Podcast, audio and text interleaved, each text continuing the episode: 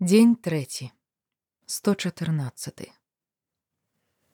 Подручники, сшитки, пенал, школьны костюм. Узяў. Ян паляпаў па сумцы. Пара кашуль на змену. Бялізна, рэчаў набралася на добры чамадан. Выходзячы, хлопец сунуў руку ў кішэню. Пуста. Я э, святло не праверыў, прамармытаў ён і пабег па кватэры, аглядаючы падлогу, сталы, паліцы. Тадэвуш знік. Ян яшчэ раз ужо павольна абышоў усе пакоі і, змірыўшыся, выйшаў на пляцоўку. Тадэвуш ад яго сышоў. Ян да болю прыкусіў вусны. Яму 12. Нельга румзаць з-за страты лега чалавечка. У чаканні таксоўкі я назіраўся па баках.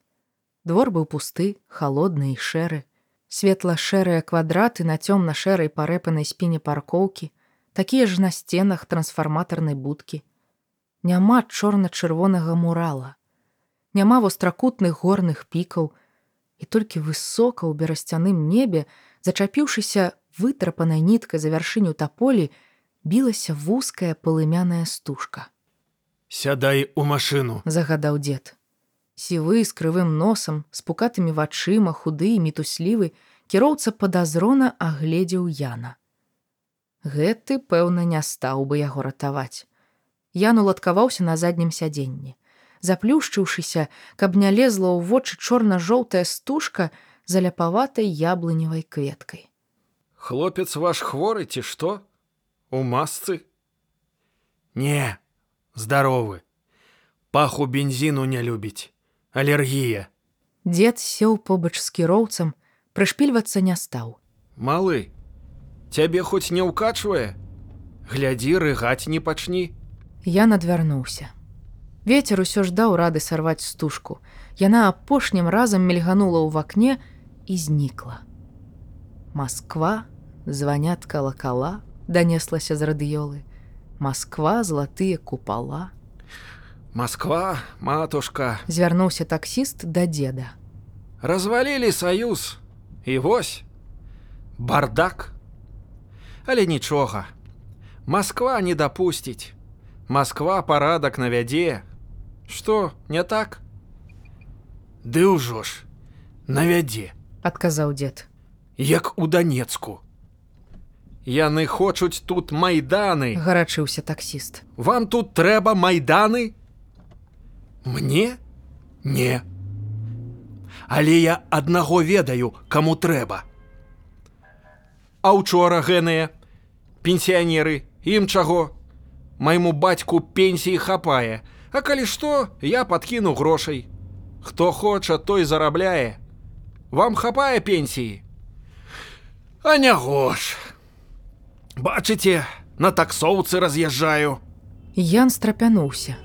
Дзед троліць я бацьку таксіста? І еўрапейцы гэтыя нам не трэба. Відавочна натхнёны падтрымкай пасажыра працягваў таксіст. Так, з азіятаў рабы куды лепшыя. На стаянцы спыніце. Вань, хадзем. Дзед вылез з машыны і пайшоў у бок крамы. А задачаны таксіст глядзеў яму ў спіну, абдумваючы апошнюю фразу. Ян на імгненне зняў маску, паказаў яму язык і бегма дагнаў дзеда. У краме было людна, тлумна. Калі згубішся, чакай мяне тут. Кіўнуў дзед у бок камеры захавання. Бяры кош. Вольных кошыкаў не было. І ян узяў вазок. Але дзед не планаваў раскашаваць. Два пачакі пяльменяў, дзясятак яек, бохан хлеба, пакет смятаны, бутэлька малака, макароны. Ян здалёк паглядзеў на стэлажы з садавіной ды гароднінай, на россып цукерак, сцяну сокаў, піраміду здобы і паштурхаў вазок да касы. Халера, солі не купілі. Спахапіўся дзед, выйшаўшы на паркоўку. Ат, за дурной галавой нагам неспакой. Я збегаю, прапанаваў Ян. і я хутка. Тады я пайшоў, а ты даганяй. Дарогу хоць знойдзеш. Глядзі, да канца таго дома і ў двор. Там касая сцяжына. Па ёй да канца, а тады праз стаянку і ты ў нашым двары. Доўга не баўся, бо пельмені хутка варацца. Дзед забраў у Яна пакет і пайшоў. Хлопец пабег назад. Ён блукаў між радоў печыва, шукаючы слодычы для хворых на дыябет, калі пачуў з-пад столі з другога паверху,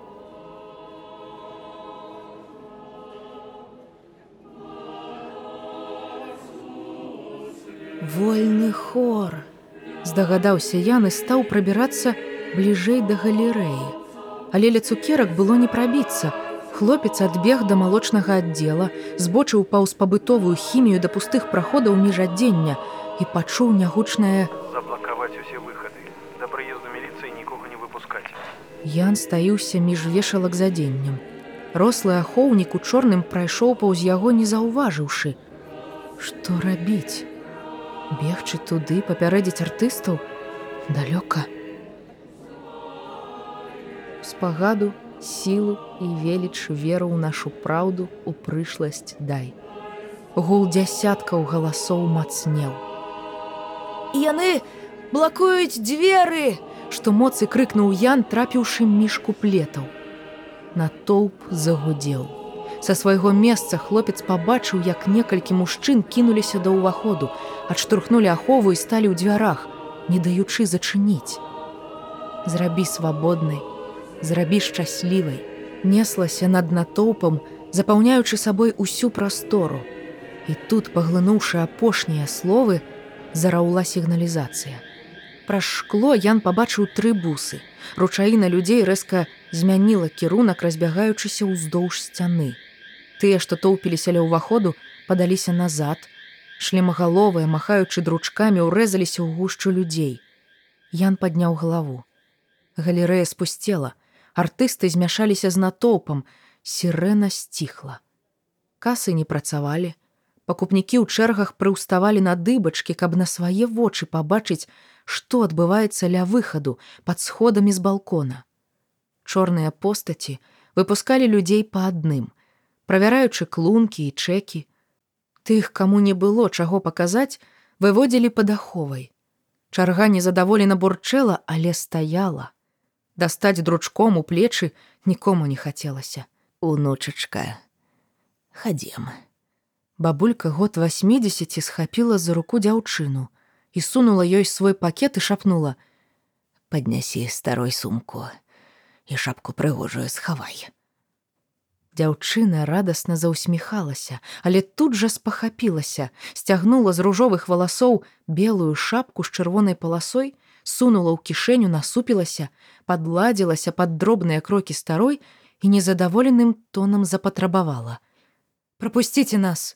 У бабулі сэрца слабое, ёй на вуліцу трэба, бо кепска стане. Манёвр не застаўся незаўважаным. Са сваёй схованкі Ян пабачыў, як перадаюць незнаёмыя людзі з рук у рукі палову хлеба, пакет малака, а зухаватыя хлопцы за сорак прапануюць апеку дамам. частка ў гандлёвай залі пахаваліся Пачуў ён зусім побач перамовы аховы. выпускаем тых што цяпер у касах астатніх зганяем для праверкі дакументаў Ян адчуў знаёмы камяк у жываце. Трапіць так па-ідыёцку. Без дакументаў яму даюць усе 15. Валасы ў яго выгараюць за лета моднымі пёркамі, ды і шрам на скроні дадае гадоў, а з 15гадовымі шлемагаловыя не цырымоняцца. Дапамагу табе толькі таму, што ты крыкнуў праз дзверы, Азваўся знаёмы голас у галаве. але стаяць давядзецца доўга. А памятаеш, ты на дачы схаваўся ў чамадан, апусціў вечка і заснуў. Прыгадаў тадэвуш. Уяві сабе, што ты спіш і праз сон чуеш галасы. Ян міжволі посміхнуўся. Сямейная гісторыя пра Яна ў чамадане была сярод яго ўлюбёных. Маці вярнулася з лесу і не знайшла сына, пакінутага спаць у замкнёным пакоі. Дзверы і вокны зачыненыя, падзецца ў хаце няма куды, пад пол, печ, шафы, усё як мае быць. Папыталі ў суседзяў, ніхто не бачыў трохгадовага малечы. Адшукаў яго стары кот бадзяга тамурлан, празваны так за адзінае ацалелае вока ды кульгавую лапу. Пашкамутаны сабакамі ён прыбіўся да іхняй дачы, спачатку збіраўся паміраць, але перадумаў і памалу адужаў, Маці заўважыла пярэсты хвост, што вытыркаў з падвечка і калыхаўся ў рытме вуркатання, раскрыла чамадан і пабачыла тамурлана і соннага яна, які ў сне абдымаў цёплага кота. Ян ляжаў на раскладанцы, захутаны ў плед. Дед і суседка медсястра сышлі на кухню, але яму было чутно кожнае слово. Я яго чакаў. Не ідзе. Зірнуў у інтэрнэт, а там галоўная навіна пра наш гіпермаркет. Я ў краму не пускаюць чэрці. Пакуль дачакаўся, каб з'ехалі. Зайшоў, заховай пагаварыў. Старшы іхны мяне ведае. Кажа, не, такога не выводзілі. Думаю, прабягуся па залі. Гляджу, куртка знаёмая. Ваня, кажу, ідзі сюды. А ён стаў побач з манекенам, шапку з этыкеткай на вочы нацягнуў і стаіць, нагу адставіўшы. Як міма ідзеш, не пазнаеш, што жывы чалавек, А прыгледзішся, красоўкі ж ношаныя. Я яго па плячы не рэагуе. Толькі калі шапку сцягнуў, ён ачомаўся і дасюль як мехам прыбіты, не есть, толькі вады попрасіў і ляжыць. Спалохаўся, хай ляжыць. У школу заўтра не выпраўляйце на сон валяр'янкі накапайце. Зранку не будзіце, хай выспіцца. А калі не палепшае, выклікайце лекара. Неўралагічнае аддзяленне збольшага падвірусных аддалі, але ж мо дзіцячыя пакінулі. А знак у яго адкуль. Гэта я не даглядзеў. Пайшоў з малым на горку і ён упаў. Рассек скуру на скроні. Знепрытомніў на хвіліну, а потым нічога. А што могуць быць наступствы?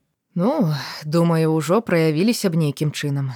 Калі што, лепей у неўролагаў пытацца. Я ж не доктар. Ужо восем пабягу, крыяйце. Дзякуй, што зайшлі, светачка. Няма чым аддзячыць. Вой, ды кіньце вы, зараз людзі адзін аднаму без падзякі дапамагаюць. Вось мой нумар, тэлефануйце хоць бы і ўночы па-суседску. І маску насіце. Вам нельга пошасць гэтую падчапіць. Светачка, на выгляд жанчына была хіба на год два маладзейшая за янаву маці, сышла. Тадевуш, ты мяне болей не кінеш? Я думаў, ты ўцёк. Я сваіх не кідаю. Але табе час самому вырашаць, што ты робіш, калі ды як. Таму разлічвай на сябе, а на мяне у самым скрайнім выпадку. Дзякуй на гэтым, уздыхнуў Ян. Трэба патэлефанаваць маме. Але смартфон так і застаўся дома. А ў дзеда ці ёсціка той вайбер.